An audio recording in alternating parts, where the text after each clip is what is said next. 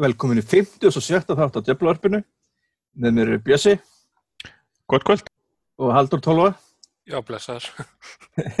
og ég heiti Magnús. Heyrðu, Við ætlum að fara eins yfir spánu okkar fyrir næsta tíumbil. Við ætlum að, svo sem ekki fara mikið kannski beint í tíumbil uppbytuna, en það vil ég bara benda á frábæran uppbytuna pósta sem hann Björn tók saman hugleðingar og, og svona og pælingar okkar hinna í réstjórn.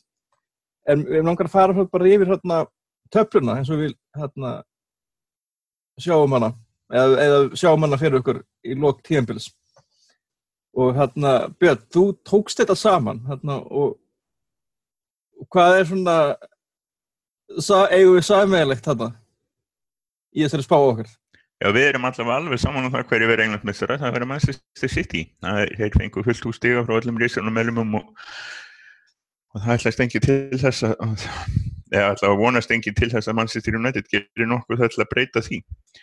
Uh, við erum mismunandi björnsýni með United, uh, nógu björnsýni til þess að, að, að liðið er fær tveimur stigum fleira heldur en Liverpool í annarsætið en annars erum erum við allir að spá þessum mestu þrejum liðum, utan einn okkar sem að spá í Liverpool í hjörðarsæti við lefum honum að vera anonymous.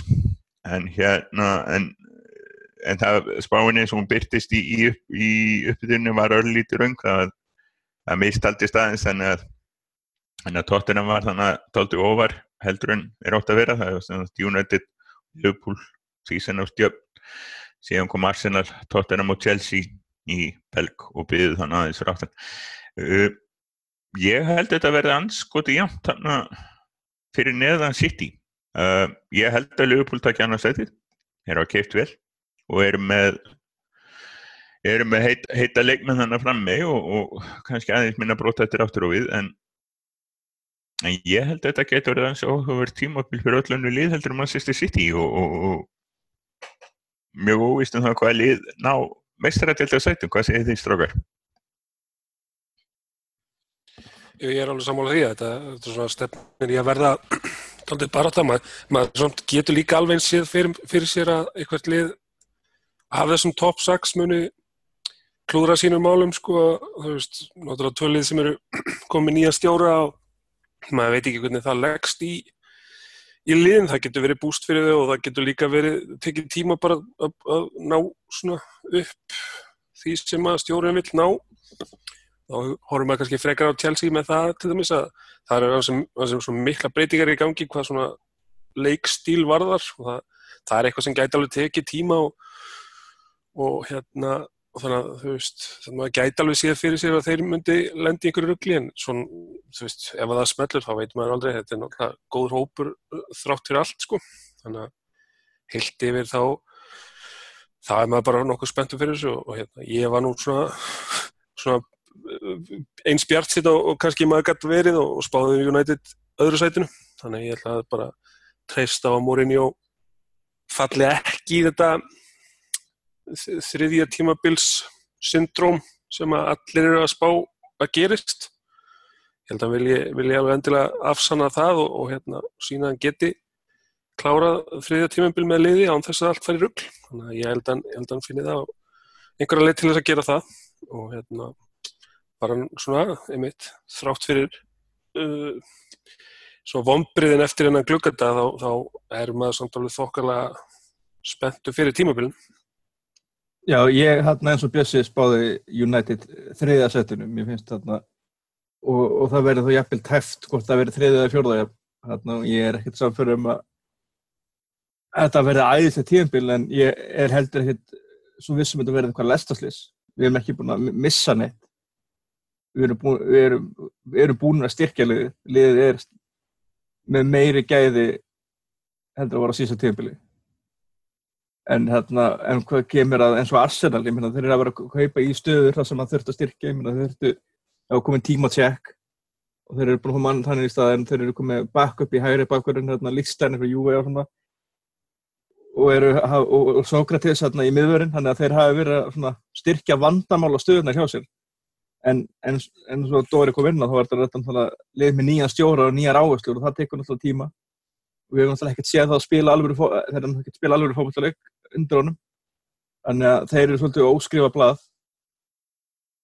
Chelsea hafa jú, fengur nú hvað Kóa segja að skipta út sérum sem er sennilega þriði, fjórði bestu markmör í heimi á góðan degi.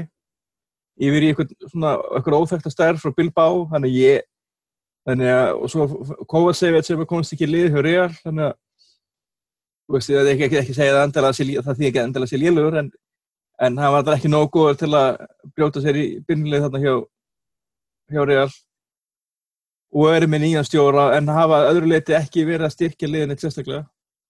Þeir eru jú með Jorginho sem kemur frá Ítalju en, en nú, menn hafa nú komið frá Ítalju og ekki gert hans sérstaklega hluti hérna á Englandi þannig að Þannig að það eru, finnst mér annars spurningverki, það er svona, er ég með á hérna eitthvað, eitthvað 15 sætið eitthvað flóðis, þannig ég held að það verður svona rétt fyrir utan þetta, þetta top fjóra.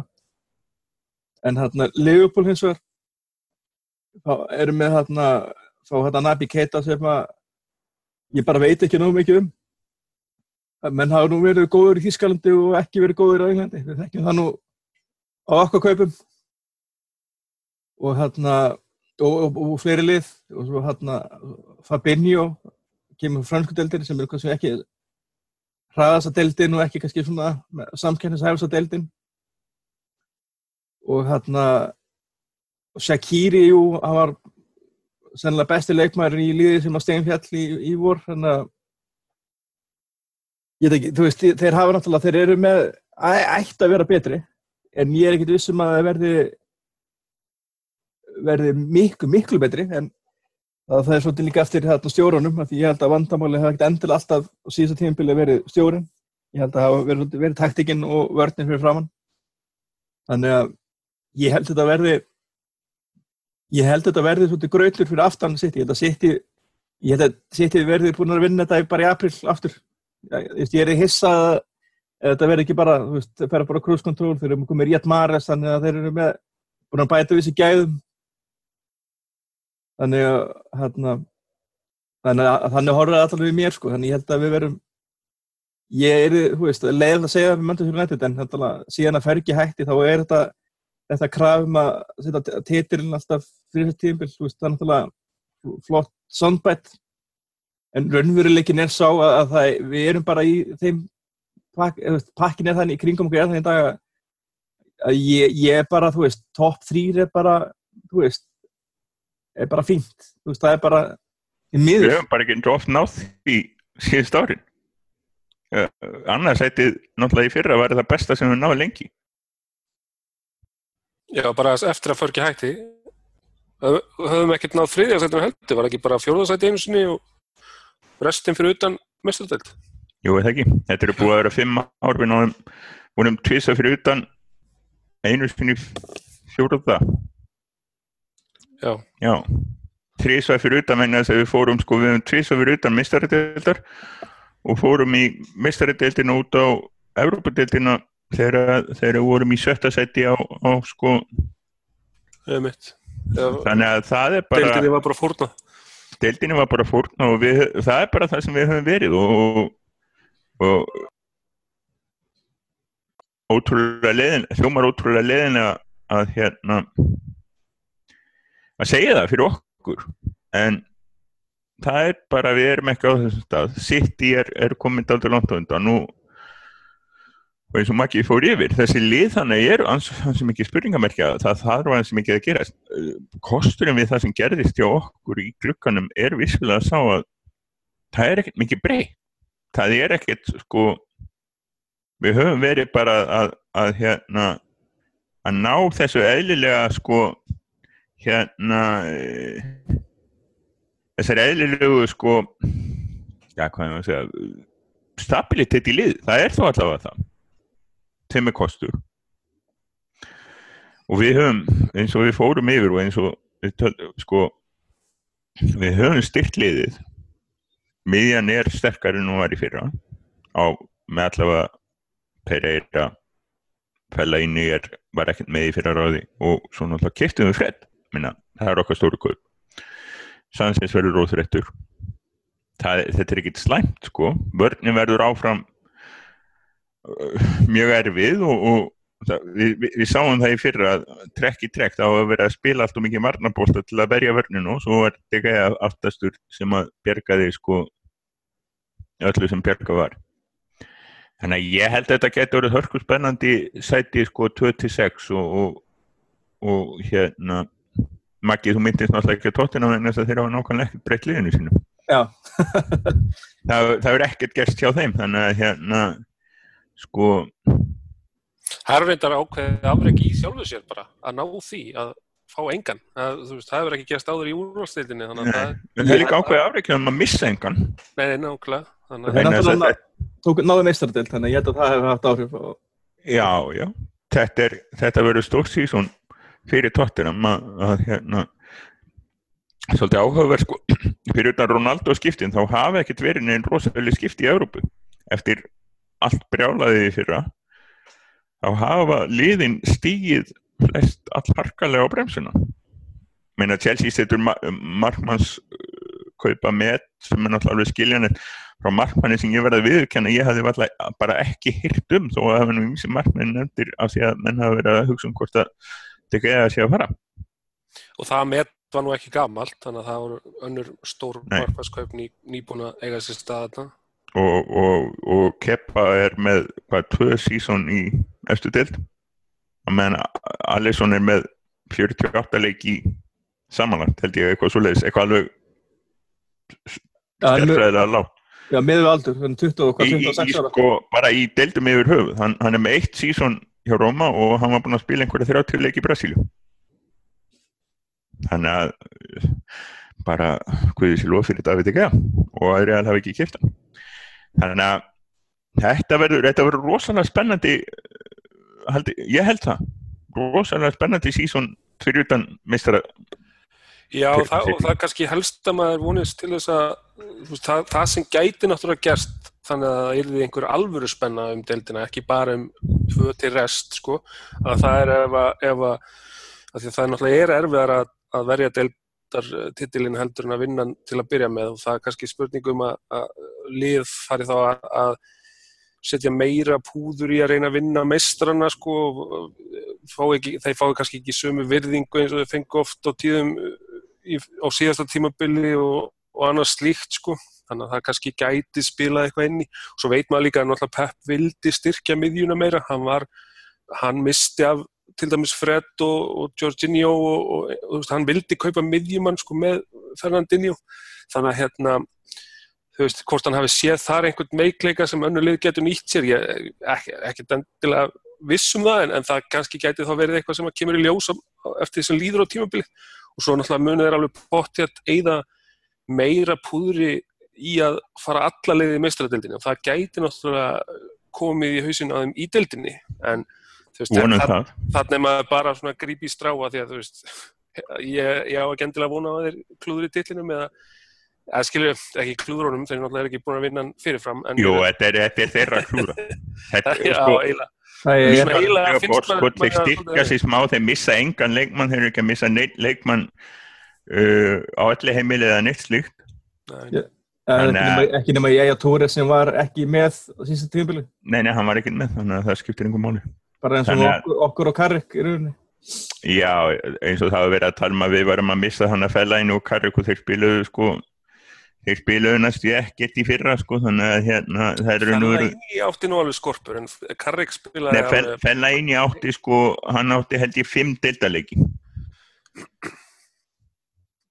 Nei, býta hann, já, fimm, hann byrjaði fimm sinnum inn á 11, 11 sinnum kom hann hann er bara komið svolítið oft inn á sko. já, kom 11 sinnum inn á í dild hann var á loka leikjum, við munum það já, já, já, hann kom 11 sinnum inn á sko, en, en það er allt fyrir hvað sem McTominay byrjaði sjöleiki og kom 6 sinnum inn á sko, þannig að já, já, við erum við, við, eins og við húrum við, við Pereira, Fred og, og Fellaini eiga að spila stærra hlutverk allavega sko Fellaini meðan það verðum búin að kaupa Fred þá verða McTominay og Fellaini á begnum, vonandi.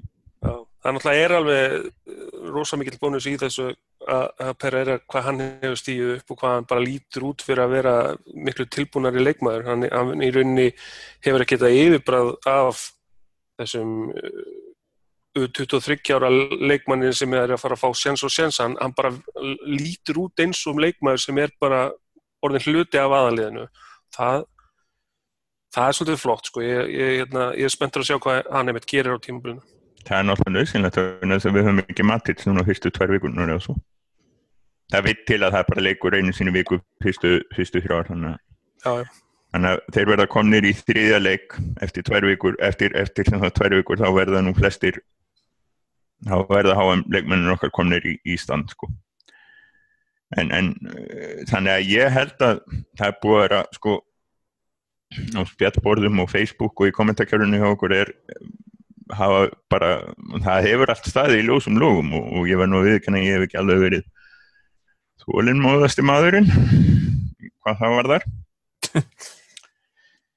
Það er nú eins og það er en, en sko þetta er ekkert umöllegt við þurfum að við ég neyta að horfa öðruvís en raunsætt á þetta. Við erum með stjóra sem heitir Jose Mourinho og hann er ekki að fara að hætta. Það er önnur umræð með að segja sko það er mjög erfitt hvern við ættum að það er Pochettino er um það bils og eini sem ég var alveg bara mjög ánæg með að fá. Aðrir eru rosalega óreindir sérstaklega í þessari ruggli sem ennska deildin er. Við hefum séð sko þjálfæri sem komur frá Ítalju hafa nú ekki beinlinni sko Conte kom og, og gerði vel með Chelsea notabenni sem var ekki í Európa-kjefni því að þá kom hann frá Ítalju sko það sem er miklu minna álag og gætt spila eins og hann var vanur að spila á Ítalju án álags. Svo kom second season og þá fór allt í klassu Var líka, hann gæði líka að spila á fáum mönnum bæði út á minna álægi og líka bara þegar heldust hann, hann var heppið með meðsli og svona, eða þú veist, hópurinn sko, Já. þannig að það, það spilaði líka mikið inn í, geta gert svona á litlum hópi Ég held að við horfum á, það hlýtur að vera og það er eina, niðurstaðan að að stjórnin er svolítið samanlega með því að, að þeir eru ekki hrifnir á 29 ára leikmannum sem er það sem að sem er það sem að Mourinho vil kaupa en það kemur út á það að það er, það er ekki bara Mourinho að kenna ef að, ef að sko stjórnin vil ekki kaupa leikmann sem stjórnin vil kaupa. Þá þarf að ræða það og þá þarf að finna bara einhver aðra. Og það var ekki gert. En það, og, það er náttúrulega nefnir það það er náttúrulega ákveð mjög hér á þetta er náttúrulega tók, tóku við sem liðið þarna sama tíma Pep með City og, og Jose með United. Þessi, þú varst eitthvað aðeins búin að varst nefnilega eitthvað búin að skoða það?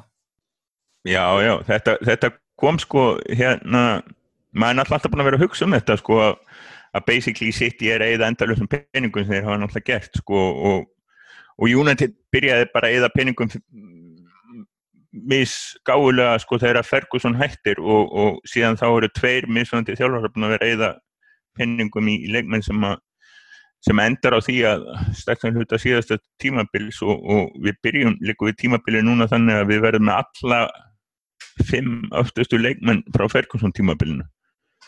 En uh, hérna eins og sko Tryggvi talar um í, í hérna uppbytunni þá, er, uh, þá fær Pep allan þann pening sem hann þarf á meðan að Jose er með minni pening.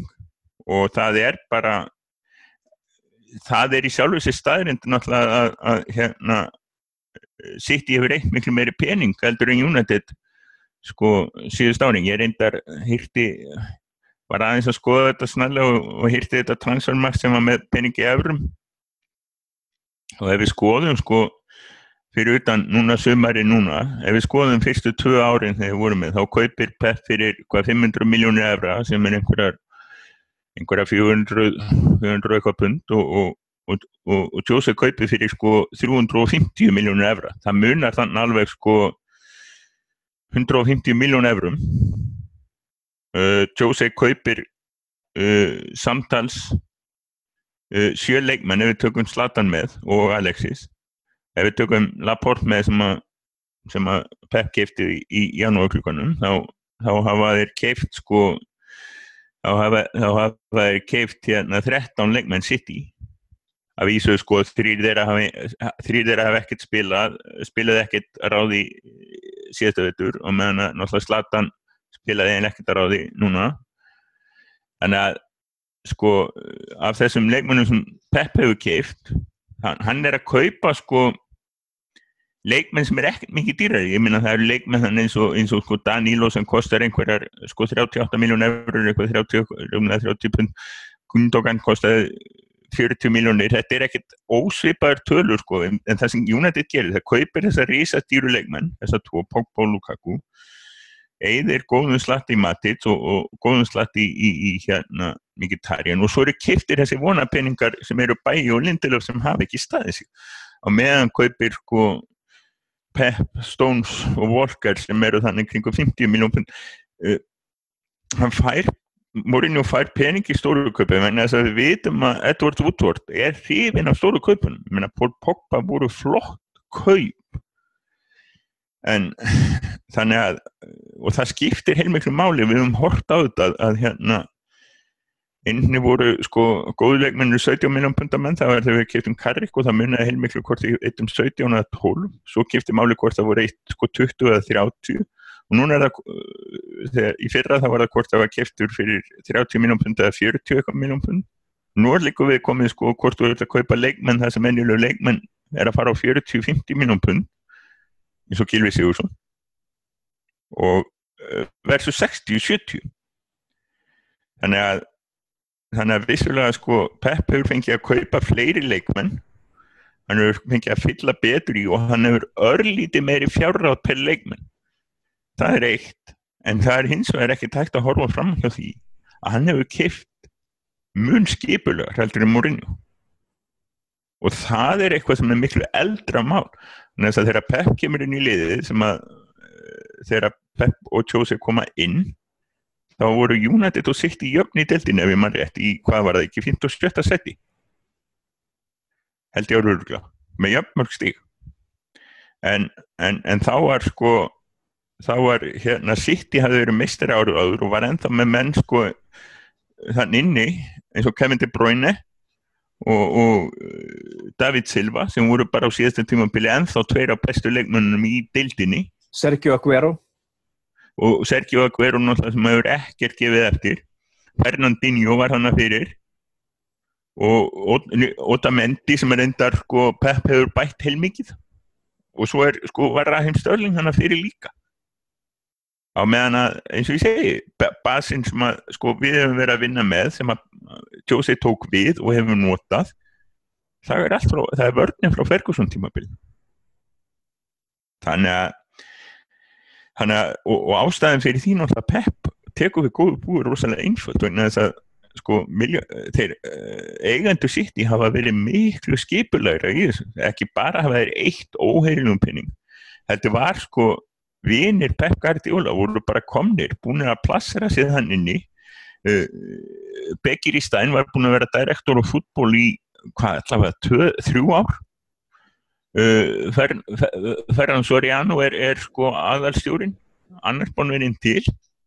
Það, veist, það, voru, það voru þrjú ár síðan að sko það var að vita að myndi taka fyrir síti og eins og ég hef sagt áður, það var ekki séns að neitt ekki einn einust af þeim kaupin sem fór fram á þessum þreymar árum og hann Pep tók við, voru ekki búin inn til Pep Guardiola.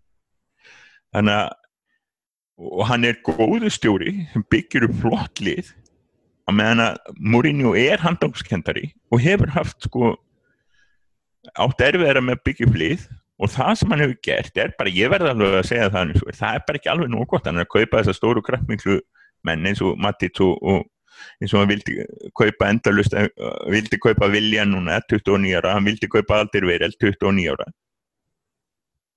Og, og það þarf enginn að segja mér annað en að stjórningi og United hafi ekki hugsað svolítið um það sko að að, að Mourinho verði ekki þannig eftir eitt ára eða tvö. Og þannig að kaupa 29 ára leikmann handunum sé kannski geta sniðuðast þannig að svo náttúrulega, og ég þú hefur verið með aðeins meiri penning eins og Pep þá er auðvöldar að kaupa leikmenn og það hefur reynst auðvöldar að hjá sitt í að kaupa leikmenn. Myndir þú segja að, þarna, að vandamáli hjá United sé stjórnaformaðurinn eða, þarna, eða hvaðan er hann nettvart útvart Já, það ekki? eða lítið á þessu fyrsta tíumbili eftir að þarna, sem tekur við þarna eftir að Gill og Ferguson eru báðar hættir og þá gengur ekki til leikmennakaupum, það hefur verið eldastu 20 menn allt sumari og svo endur við með fælaginni þetta, þetta er keimlíkt einhverju tímbili sem er að hefjast. Og þarna það sem þessi tvö tímbili er samanlegt að það, þarna, að það er engin umbi að leiða útverði gegnum þetta eða bjóðunum leikmenn því að við hófum að tala um hérna eftir sko móist tíman að að loksast sér útverð farin að sína eitthvað farin að kaupa leikmenn og farin að standa sig og svona. Og svo leið og Jorge Mendes eða Mino Raiola er í fíli út í hann eða, eða er ekki að leiða náfram og þá gerist ekki neitt. Það getur alltaf verið tilvun er þetta ekki bara, bara útvöld að vera útvöld er ekki bara eins og við höfum búin að tala um bara í, núna í þrjú ára eða eitthvað. Við byrjaðum þegar bara að Dóri. Ég ætla að henda spurningum okkur báðan, Dóri þú mátt byrja. Er ekki löngu komið tíma að fá bara djúðins direktor af fútból Jú, alveg 100% að að við sáum það til dæmis bara eins og í lókin á þessum glukka þannig að sáum við sko útvart að gera það sem útvart gerir best að þegar þar komi hérna nýr eh, hérna, sponsor fyrir ermarnar á treyjurnar.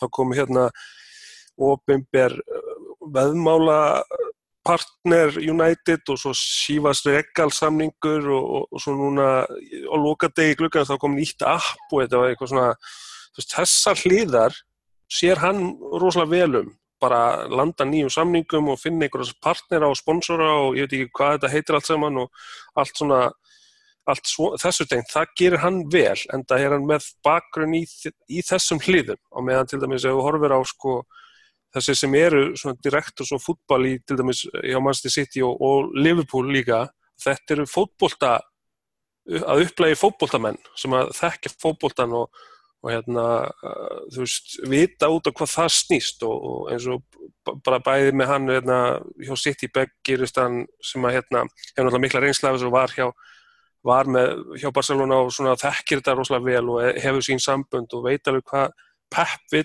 veit hvað Pep þarf og veit hvernig hann á að, að, að finna það og, og, og ná í það.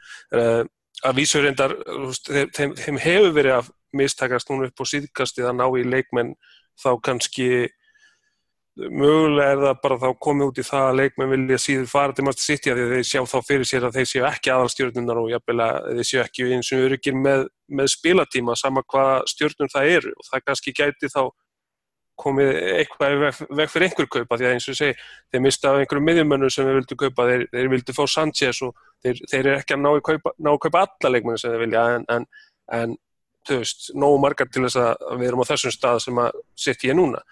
Uh, og með Liverpool til dæmis við sjáum mikla breytingu 2016 þegar hérna þegar er ákveða að fá hann, hann Michael Edwards heitir hann sem hafði verið unnið svona baka tjöldinu, hann sérst er upplægi fókbóltamaður sjálfur og spilaði þegar hann var yngri uh, hætti svo þegar hann þegar hann var svona við það að komast í aðaliðin bara eða þú veist við það komast ekki aðalegin þegar, veist, þegar það var að fara að taka við að því að vera bara unglingalegmaður. Og þá fór hann að menta þessi í viðskiptafræðum og í upplýsingatækni. Gerðist leikgreinandi og bara greina bæði andstæðinga og, og eiginlið var að hefur verið að vinna baka tjöldin hjá, hjá Tottenham og hjá Liverpool og þennan mann fá þeir í þetta, þessa stöðu 2016 og það, þú veist, þú sérðalveg sko, að þú horfir á síðustu glugga hjá Liverpool, hvað þetta hefur verið merkvísara hjá þeim. Og þetta er bara allt annað uh, element hjá þeim núna að núna bara eru með sína leikmenn og, og, og fara bara eftir þeim og þeir vita nákvæmlega hvað þarf til þess að styrkja liðið og þeir eru ekkert að setla fyrir neitt sko, veist, þeir eru farin að borga meira fyrir leikmennina en þeir eru líka ekki að vesenast með því að fá veist, inn ragnar klafan bara því að það þarf einhvern, skiljur, þannig að þú veist það munar rosalega miklu um það og það, þetta er eitthvað sem maður vildi sjá bara, þú veist, eins, eins kjánalegt að það er að, að þurfa að líta til Manchester City og Liverpool til þess að sjá fyrirmyndir í því hvernig Manchester United ætti að haga sér og þá bara er staðan svo að við þurftum að sjá þetta gerast hjá United ef að markmiði hjá United er að fara að vinna tilla Svo náttúrulega, svo náttúrulega þurfum við að ræða það að það er mjög líklega ekki markmið. Það bjóðs ég þú getur að tekið við með það mjög líklega við að horfa upp á það að þetta er bara alls ekki það sem að gleysararnir horfa í sem þeirra aðal forgangsmál. Minna Bútvort sæði að það væri bara staðirind að framist að vellinu væri ekki aðan máli hvað var það hérna framist á sponsorshipinu það er bara einn krafa, það er fjórðarsæti og that's it. Og bara ná því eins ódýrt og hægt er. Það breytist ekki með núverðan tegundum. Uh, eini ljósapunkturinn í vikunni var sá að Arsenal er að fara í sama helvíti. Stan Kroenke fara eiga klúpin einn án þess að Alice Rúsmannhoff sé hvað þetta er að sig eða, eða þá að stuðningsmenn fá að koma á aðalhund og annað slikt og það sem meira er hann kaupir enda Rúsmannhoff sko hann kaupir Rúsmannhoff út og hann er einhverja 300 miljónir á lánum Uh, sem fara held ég á klubin þannig að ekki eins og þegar við vorum kipt þegar fóru einhverja 400 miljónir á lánum á, á United sko í allt öðru andrumslótti en það er þá er þetta tefi Arsenal, ég menna þeir eru ekki enþá alveg búin að klára klára uh, að borga völlin annað sem að tóttina má líka í vandræðum með þannig að meira segja sko þá er allt í unnu Liverpool meira að segja ég veit ekki hvort ég á að segja grimmar í að sækja þetta til heldur í United. Ég veit ekki alveg, sko, þeir eiga ekkert þetta er ekkert bestu, sko, eigendur heldur þar. Þeir eru ekkert að fara að dæla einhvern penningum í Liverpool, þeir er samt að stekka völdin og Ultrahort og málaður í sumar. Það er rosa flott maður. Hann er miklu röðari það skiptir máli. En neini, það er bara ég held að við, meina, við meðan við horfum á það eigendur hafi ekki áhyggjur af þessu. Ef að Jósi skilar fjörðarsætinu þá verður hann jável ekki rekin í vor. Sama hvað hann spila leðina á hóðbústa sama hvað margi United aðdóndu frá, frá sko heila blóðfalla væsingi þetta er ekki æfintilega skemmtileg tilhugsun. En, en hversu, hversu, hversu langu tími þyrti þá að líða þar til að fyrir að hafa á, áhrif á uh, hversu margi fylgja liðinu? Það er byrjað. það, það er byrjað, það er ekki byrjað. En ég er sem að á, end, á endanum mun það hafa áhrif á viðskipta hliðina líka. það hlýtur að gerast. Ég ef þú færir í 12 ára bekk í dag ég hugsa að séu fleiri liðbúlstunning með núna heldur nokkur tíman og fleiri, fleiri í og fleiri liðbúl heldur í United. Já, tóttinam og svona, þetta er að koma upp sko. Tóttinam er að koma upp sko, það eru helst náttúrulega feðurnir auðvitað, skipta máli en Já, já.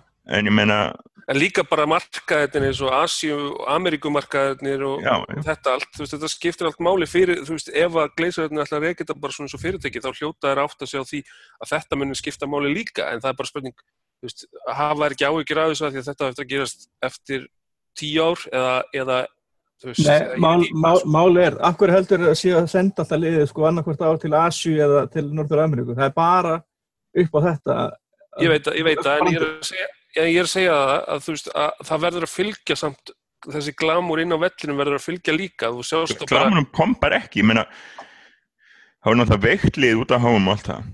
En veist, Nei, ég er ekki að tala um að glamur 2008 liði hefði farið sem það lið sem spilaði eins og 2008 lið okkar gerði sem var frábært lið og þeir hefði farið til Ameríku og hefði vant að slatta. Þeir hefði samt fyllt sko, selt tvöfald meira á, á litluleikinni, San Jose og allt þetta. Já, ég er ekki, ég er ekki að tala um að þurfi endilega að vera glamur inn á völlunum á æfingarleikinum en það þarf Nei. að vera þannig að það trekkja að einmitt að því maður tók eftir því að það voru ekkert fulli völlir og veist, það var bara munur frá því United var í bandreikunum síðast sko, sem var ekkert, ekkert mjög langt síðan. Það var í fyrra, var það ekki? Nei, vorum við, jú, vorum að Ameríku fyrra. Já, ok, ég er að tala um þá líklega líka Jú, ég, ég að kannski ofst Það munaði. Sko, stórlega sko. En þetta er þetta, en, en það er náttúrulega bara það sem þarf að gerast ok, við, við höfum takmarkar í fjárur og það er alltaf í lagi en við höfum samt fullt af finningum það þarf bara að gera þetta skipulegar. En, en það er náttúrulega eitt, við fáum ekki direktor á fútból meðan Jose Mourinho er stjóri. Það er bara ekki að vera að gerast. Hann er aldrei að fara að fá manni yfir sig.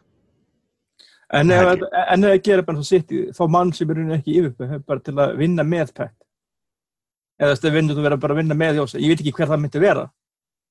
En, en hann, já. Get, veist, en, en Jósa lítur að vera ósáttu við hvernig, sko, ég menna hann lítur að vera tildöðulega brjála sko, það er eitt sem ég verður að hugsa um.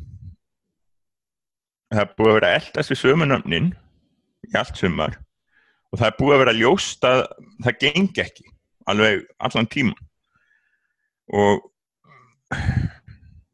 Jósa segir ég let fimm nöfnin eða hvað það nú var þeir tala saman, hann er út og tala saman. En ákkur ekki, er, ekki, er engin sveianleiki þannig að Jose segir sko, við tökum þá einn jæri mína eða eitthvað sko. Eða veist, eitthvað bakkvaplan sem er þá ódýrara eða þá að það sé einhvers konar veist, plan B og C og D í innkaup eða skiptir einhver mál Já, ég, ég, ég held en sko eins og með það eða, sko, að því þú veist, liðið er alveg með miðverði. Þannig að ef að pointi var að fá einn miðverð þá þurfti að vera einhver sem bætir alveg augljóslega liðið.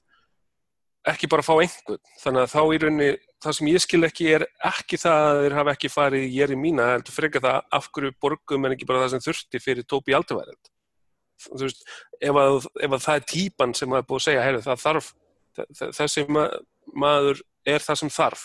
Hann er leiðtögja með reynslu og hérna nota yngri, yngri meðverðin með honum Já, og það, það, það er, er, er ekki eins og að sé, það, það er, við vitum það alveg að það er ekki eins og að hann hafi bara verið ekki til sölu, að hann, hann á stutt eftir að samningi, veist, allt þetta, það var alveg hægt að kaupa, það var alveg að semja um það. Þannig ef, sko, ef að þetta er nöfnið sem að, þú veist, en nú náttúrulega er ekkit, eru fréttir um það, hann hafi ekkert endilega verið nummer eitt á listanum og allt það, ef að nöfnin sem voru nummer eitt og tvö á listanum voru, þú veist, Varein og, og Ramos og eitthvað svona sem að er augljóslega ekki hægt að fá, þá er það bara Bónins, ég, já.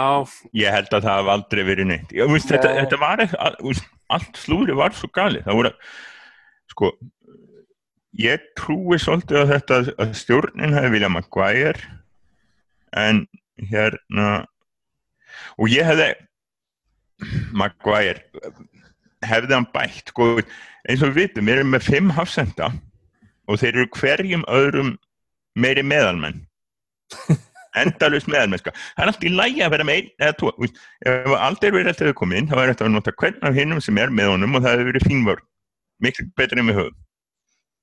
Ég sé það ekki gera fyrir Maguire. Það hefur talað um það að vanta einhvern mann hann ætla að spila þryggjamannavörn og eitthvað svo leiðis veit ekki um það. En, en Maguire sko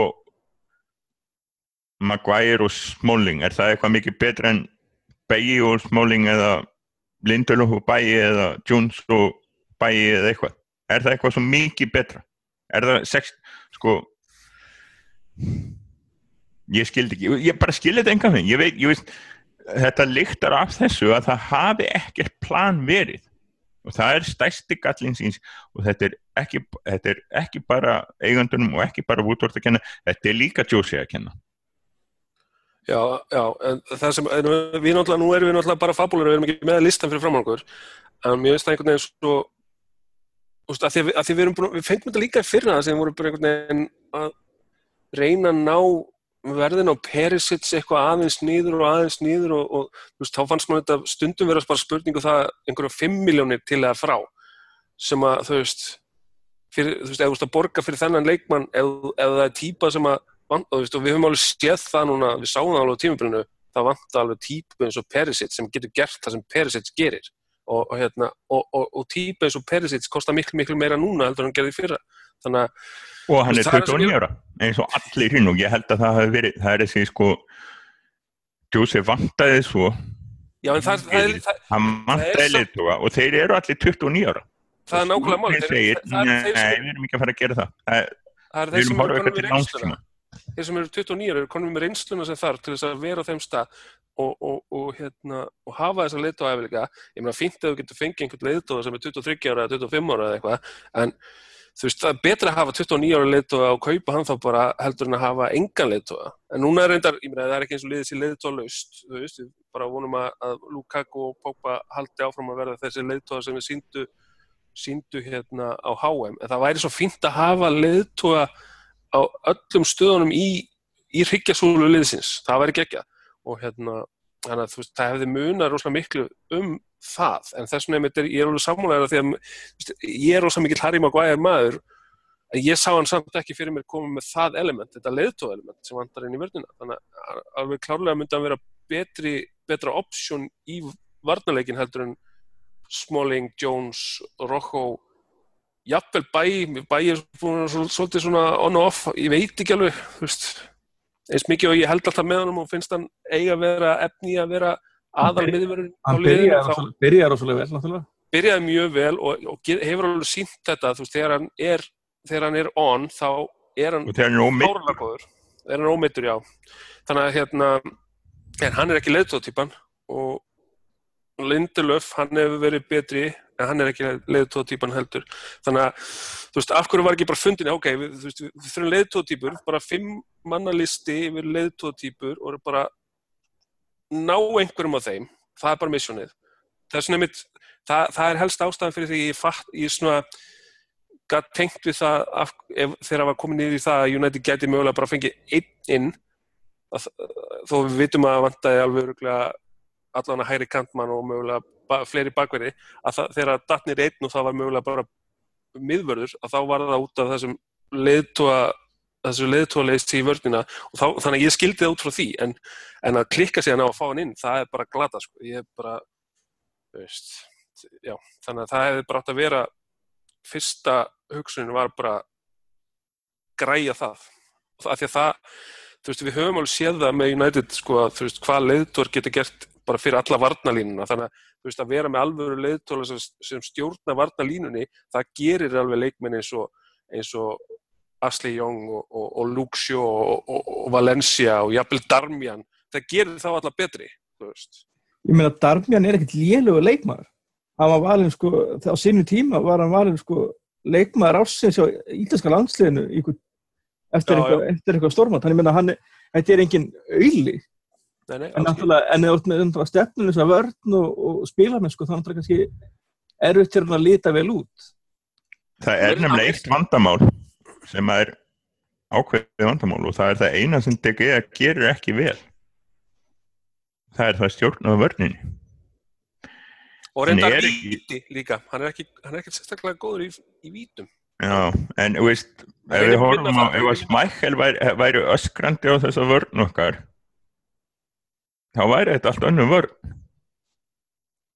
já, og svo horfur á móti þá er Vandi Sarv þurfti ekki að öskra með en hann, Nei, en að hann var með- hafði, Það var með vítið og Ferdinand fyrir framannsins, það var ekkert. Það var það með sem... já, ég, Smæ- Smækkel hafði nú stam og hann hafði Já, já, en hann, en hann, já, hann hafði þá sko, en þannig að það vann allt saman, en, en Fander sagði það, og ég segi, Vor- það var ekki vandamál þó væri ekki síöskrandi, sko. Nei, hann líka, þurfti, þurfti þess ekki að mikið.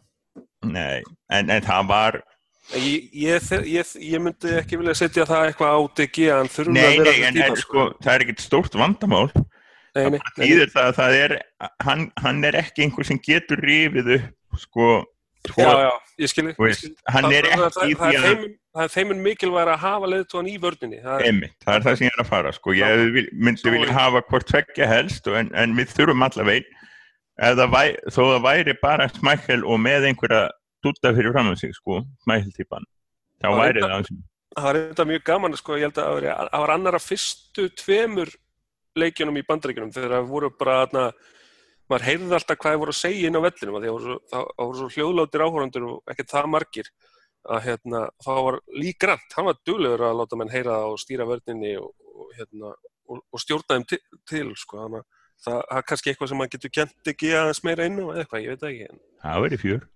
Það væri fjör. En, en sko, en það er, sko, stærsta vandamáli vörnina er okkur að þetta sem við töluðum mikið fyrra, að um leið og Mourinho treystir ekki vörninni hjá sér, þá spilar hann alltaf mikið varnarleik. Er það ekki stóra vandamáli? Það er stóra vandamáli, það er það sem allir hata Mourinho fyrir, að, spila mikið varnarleik og, og varkaranleik. Hann alltaf hefur alltaf gert það, en það er alveg ekstra spesial núna, sko. En veistu það, mér- sko, þetta var í rauninni líka það sem að Van Gaal gerði. Veist, hann, að, hann var alltaf að verja vörnina sína, hann var að spila með tvo djúpa fyrir framann. Sko, hann gerði það bara annan hátt. Hann gerði það í svona possession bolta sem að, þú veist, gerðist þú að lítið. Hann var samt alltaf, hann í rauninni treysti samt ekki vörninni heldur það mikið. Þannig að, þannig að þetta er svona eitthvað sem er ekki nýtt vandamál.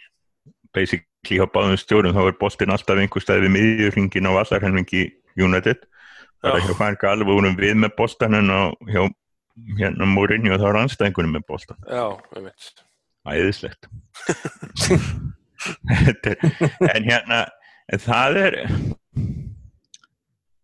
ég held sko ég skil alveg maður eh, þetta er tilfinningaseflu knafsun áhugamannsins eru mjög mjög skrýtnar og einkennilegar og, og maður skilur alveg hversuna veist, við förum frá því að ef við ekki að græja þrjáleikmenn fyrir HM yfir í að holy shit, getum við græjað einn varnamann næsta klukkutíman og þá náttúrulega verður niðurstaðan með verða daflar en fyrsti leikur er á morgun og, og þetta er ekkert skelvilegt lið sem við erum að fara að stilla. Ég meina við erum með Óþreitan Sanchez, við erum með sko Marcus Rashford sem að ætlar að eiga tím, víst, hann þarf að stígu.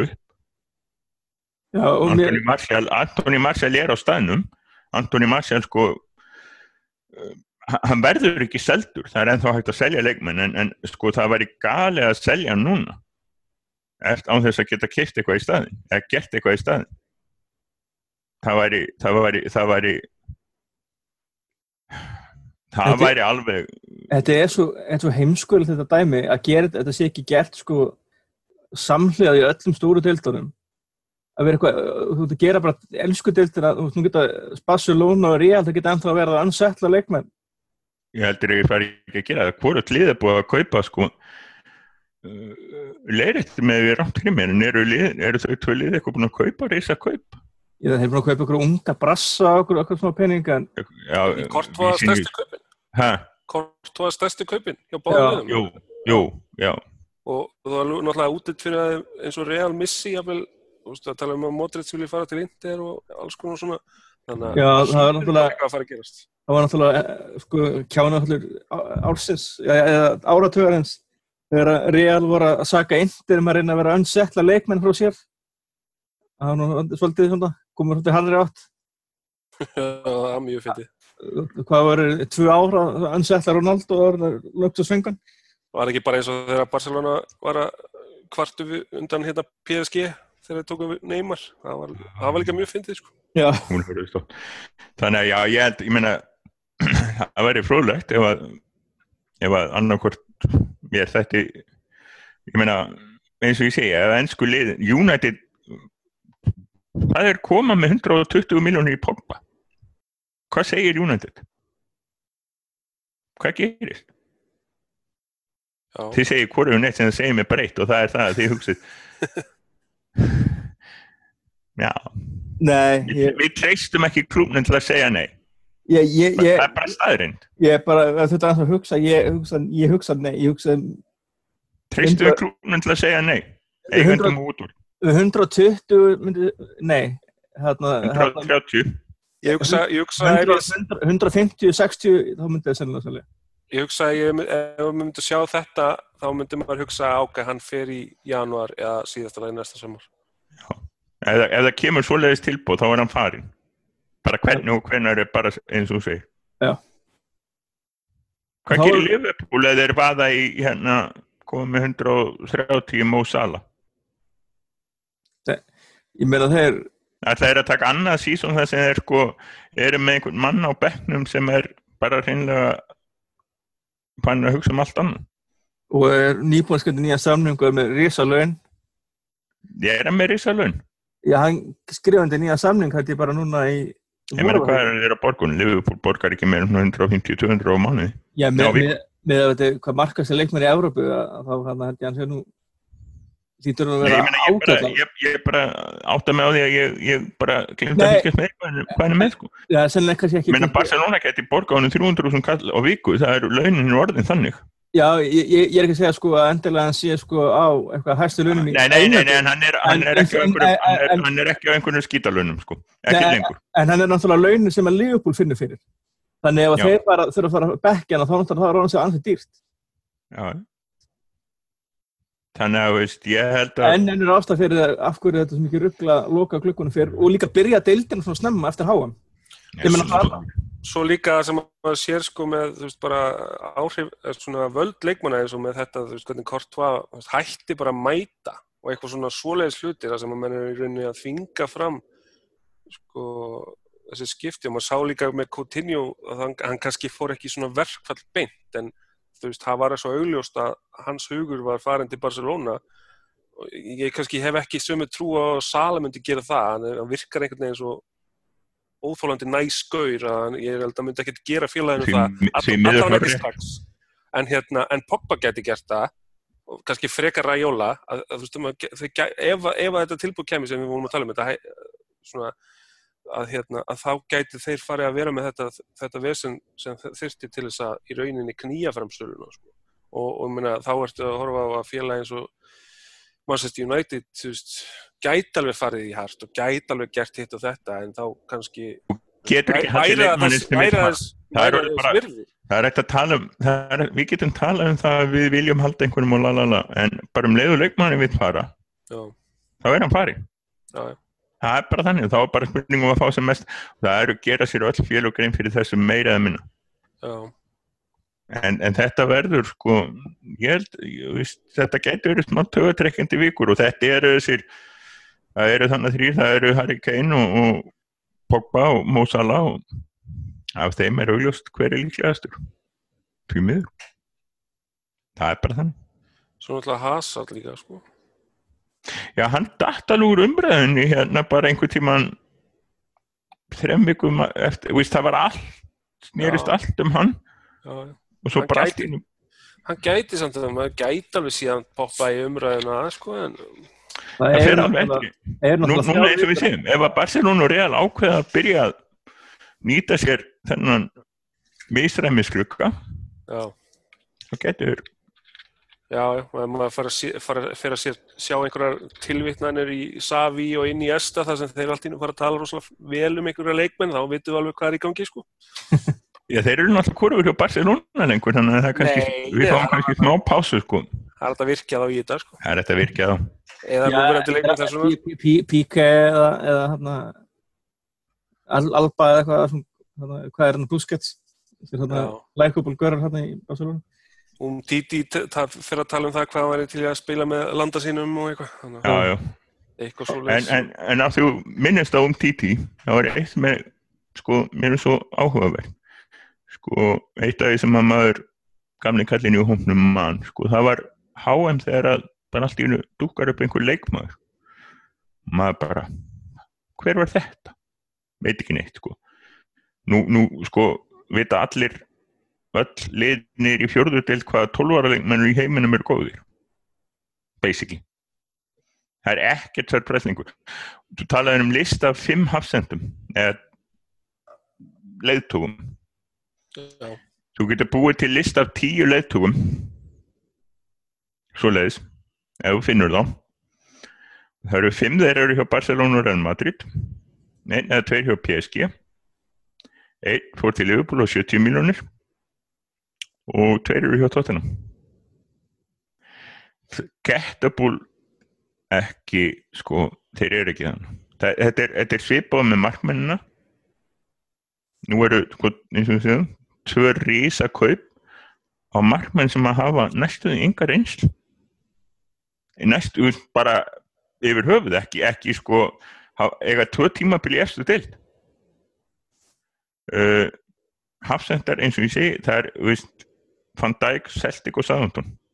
Ok, menna hann sannaði sig allavega Englandi. Uh, miðjumenn, sko, stóru miðjumannakaupin hafa verið millir stóru liðana. Þú veist, Neymar fer frá Barcelona til PSG.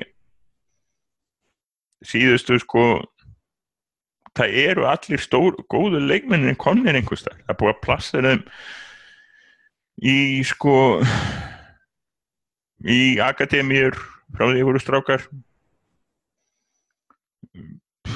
Eini, eini sko Milinkovic Savic er eini sko hann er hjá Lazio. Það er verið að að hann fara á 100 og eitthvað hann er næstum maður. Sari fór á kling. 50 kúlur var það ekki eitthvað svo leiðis til fúlam, til fúlam sko var það svo mikið? Var það ekki bara minna? Það var allan eitthvað það en sko, meðilungsliðin eiga orðið svo mikið pening í Englandi sérstaklega. Já, þannig að ég hef hvað það var þar hef ég svolítið sko og svolítið saman með þessum listamannum sem er að búa til lista. En á móti kemur að menn þurfa bara verða að vera útsjónarsamverið þannig að hérna, þetta er bara orðið, er bara orðið erfiðara. Það er rosa stóru góðu leikmannum hefur ekkert fjölga rosalega mikið. En liðum með af pening með svona góðan slatta pening sem geta borgað þó nokkuð þau eru hann þessi mörg. Ekki rísaliðin skuldur næsta næsta er ég veit, einmitt- ekki- ég veit ekki hvort það var punktum með þessu eða hvað. Það er svona einmitt spurning hvort að hérna, þú veist, ef að United passa sig ekki eins og með þetta, með þessa stöðu að United sé í rauninni stærsta knaspinu félag heims, þú veist, hva, eða svona, hva, hva, hvernig það er orða, verðmætasta eða eitthvað, að hérna, þú veist, það geti alveg verið fljótt að, að snúast þegar uppæðinir eru orðna svona stóra sem söflast frá félagi til félags, þú veist, fram og tilbaka, sko, þannig að, þannig að hérna, þú veist, ef að það er menn að það eru þrjú, þrjú fjögur oljulönd komin í businessin þá er þetta orðið já, og við erum ennþá að keppa út á því að vera stærsta knappinu félagi heimi og eins og við töluðum um að það geti verið fljótt að fara Já, lí- líka lið, félagi er ekki að sína það. Ekki að, veist, það er ekki, að, er ekki að haga sér eins og verðmættasta, dýrasta, ríkasta knaspinu félag í heimi. Það er bara ekki að gera það. Allan ekki, allan ekki ár. Allan ekki á vellinum ekki utanvallar, Nei, ekki í stjórninni nei, nei. og eigendunni sýti í bandaríkunum og telja er- Þetta eru, þetta eru þungorð svona fyrir fyrsta leikin á tímabilinu. Allir létti bara, ekki? Þetta verður flott straka mínu, veistu hvað er að fara að gera? Þegar, þegar að liðið sem verður stilt upp með sko, degaði markinu, Dalot og Sjó í bakvörðunum, Bæi og Lindelöf, Hafsendar, Fred, Matic og Pogba á miðinni, Sanchez, Rass, Sanchez og Lukaku og, Lind, og Lingard byrjar úrstættaleikin í mestaradeldin og slefar það á vítum. Hei, ég meina ég, veist, ég endaði á raunsæði, hvað vil ég meira? Ef það gengur eftir að kaupa í kassa bjórhandaður. Já, það er, kauptu frekar kipp og hafðan dýrari, ég er, uh, hérna, Euroshopperinn er nefnilega ekki minn smekkur, þannig að, Nei, hvers, hvers skoður raunur heldur ég sé? Hann hlustar ekkert á það. Hvað? nei, hann er bara að prófa, prófa, þetta er allt í leið. Ekki bladra, krakkar, ekki bladra, bannaði að segja, nei, þetta er, en, en, en sko það er, nú er það, einmitt, nú er bulli búið, nú er það fótbollin sem tekur við, lestur á morgun, rosalega flott uppbytting af frýrum á, á síðunni. Þetta er ekkert alls slæmt. Við, veist, Nei, nei, þetta er bara fínt að fá þetta töða eins úr systeminu og maður er svona kannski, hann alltaf ef það gengur ítla við töpum á morgun og, og en, en það- fyrstu leikinnir eru, sko, fyrstu sex leikinnir eru ekkert, það er engin rosa erfiði leikir ef ég mann rétt, það er uh, spörs reyndar heima. Eða ekki, jú, Það mánudagskvöldi. já. Er það ekki spörs heima frekar en úti? Já, það lítur að vera heima þess að þeir, þeir eru búin að vera vinni að skipta og af- það Jú, jú, ekki að heima, jú. Brighton. þannig að veist það, liða á að geta komist á gott skrið. Svo ef það gerist ekki þá náttúrulega fer þetta töð og í yfirdrif og, og ég held að þurfi, við þurfum ekki að hafa því. ég held þetta, mist þetta lið muni alveg klára sig af þessum leik Nei, ég minna, ef við sjáum fyrstu fjóra leikin og liðið kannski ekki búið að vinna leik og þá kannski þá fara alls konar rættir að háverar og þá munum við fara að heyra í Pól Skóls og svona sem er reglulega skot á Mourinho oft, oft sem, hann, eh, sem að Mourinho skilu og sem Já, sko, það er alveg rétt að ég ætla, að ítreka það sko að ég na, Mourinho alveg skilir nokkuð skot. En hérna ég, það kom nú fram á síðinu sko, ég ég sé bara einn framkvæmtastöru sem ég væri gjörsan ánæði með að taka við af Mourinho. Það er að segja hefði engin spurningamerki við. Það er bara, það er bara einn. Það verður reynda mjög áhugavert að, að sjá hvernig, hvernig honum gengur mitt í, í veitur eftir þennan glugga, þú veist, hvort að, hérna, þú veist, hvort að það muni eitthvað, hvort að þeim muni eitthvað missa dampinn og allt það, sko. Þannig að það verður áhugavert að fylgjast. en mig allavega ekki við meðslum Nei. En það verður einmitt þannig að þú veist, ef að byrjar að ganga eitthvað eh, illa þá fer maður að kíkja eftir sér hvernig gengur öðrum stjórum og hvað eru þeir að gera og svona því að þá vil maður vera tilbúið fyrir umræðuna þegar hún byrjar. En það, það er bara að maður er svo þreyttur á að sko, þú veist, það er alltaf ákveðin hópur sem að hefur, hefur aldrei gefið Mourinho kredit fyrir neitt sko. Það er svona... Menna eftir Sevilla leikina í fyrra, ég skil alveg að menn hafi verið alveg brjálaðir. Já, já, ég er bara að tala, ég er að tala um hennan hóp sem að hefur tuðað yfir honum frá degi eitt sko að, og hann fær aldrei kredit fyrir neitt sem hann gerir gott heldur bara. bara það, það er náttúrulega, það er náttúrulega, menn lítur náttúrulega alltaf illa út ef, að- ef að allt sem þið gera vel er hefni eða tengir sem ekki neitt og allt sem að gengur illa er alfæri þeirra sög þá er náttúrulega þá er eh, vogar balansin ansi misskiptur þá náttúrulega Já, en ég er samt sko, ég skil gremjuna en sumir hafa verið svona frá byrjun þannig að það er þess að það fyrir töfnum mér Ég, sko, sko ég var alveg til í að það væru stjórar þann úti, einn og tveir sem að væri alveg gettebúl sko bara strang þá hefði ég alveg verið til í að íhuga það að skipta bara í vor. Leif einhverjum öðrum sko eða væri einhver með ég meina Pochettino er ekki að fara frá tóttina meðan þeir eru að skila sínu. En það er samt þessi spurning að þú veist, við getum alveg velt ímsu fyrir okkur en það, er, ald- það var aldrei sjensa Mourinho, það, þú veist, það hefði hansi margi geta verið á lausu og hann hefði ekki verið rekin núna alls ekki, neini Þannig, að- og það er einmitt spurning, veist, hvað hva kemst hann upp með á þessu tímabili, hva, hver, er, hver er versti árangurinn hans? Og hann kemst upp með það án þess að verða rek, rekin, er það fjórðasæti Já, það er fjóruðsett fjórðasæti, engin byggar, ekki neitt. Það, Já. þú veist, og þá er hann samt ekki að jú, hann er ekki ef hann er fjórðasæti, nei, fymta, já, nei fjóruðsett, engi byggar ekki neitt. Engin byggar, já, já, já, ekki ekki kemst ekki upp riðli í meðstöðdildinni, engin byggar, Eh, fjórðasæti sko, Já, jú, nei, það sleppur ef ef ef hann skila fjórðarsæti í deilt þá er allt fyrir gefið. já, já. þannig að við tökum þessu umræðu bara ef það lítur út fyrir að liðin á ekki meðstöðdild Mér mér langar að he- henda á ykkur þarna, y- yfir undir se- segjum hvað 30% 30% líkur á að Mourinho klári ekki Já, já. United Það er alveg rúmlega 30% líkur á því. þannig að þú segir yfir, Já, já. Haldur að hann klári ekki. Ég segi, ég, já, ég segi ég segi undir, ég segi að sé meiri líkur á hann klári. Það er svo 30% er náttúrulega ekki 50 þetta er ekki 50-50 sko Nei, Nei, nei, nei, ég segi að- sé meiri en 70% líkur á hann klári. Já, já, ok. já, ég er hérna ég er svona, ég er svona just megin í, en Ég sé já, alveg senar, ég sé nefnilega alveg scenari og hvernig allt sko einhvern veginn implótar í kringum hann. já, Það er ekkert útiloka. Ég, fínt. verið hann það mikið að ég sé alveg hvernig það mun gerast ef það gerist. Já, já, já, já, ég get alveg séð það líka fyrir mér sko, að þetta getur orðið svona self-fulfilling prophecy því að allir tala um þetta sko og allir vita þessu, líka leikmennir þannig að, en, hérna, en svo við bara að svara einu eins og hérna, Bjössi var náttúrulega dölur að svara hérna í að- það eru ótrúlega þreytandi að, að vera alltaf sakur með að vera einhver morni og klappstýra af því að maður vill ekki reka stjóran fyrir hvernig veist, á fimm mínútum fresti eftir hvern einu stað tapleik eða leiðinlega leik eða hvað sem það er.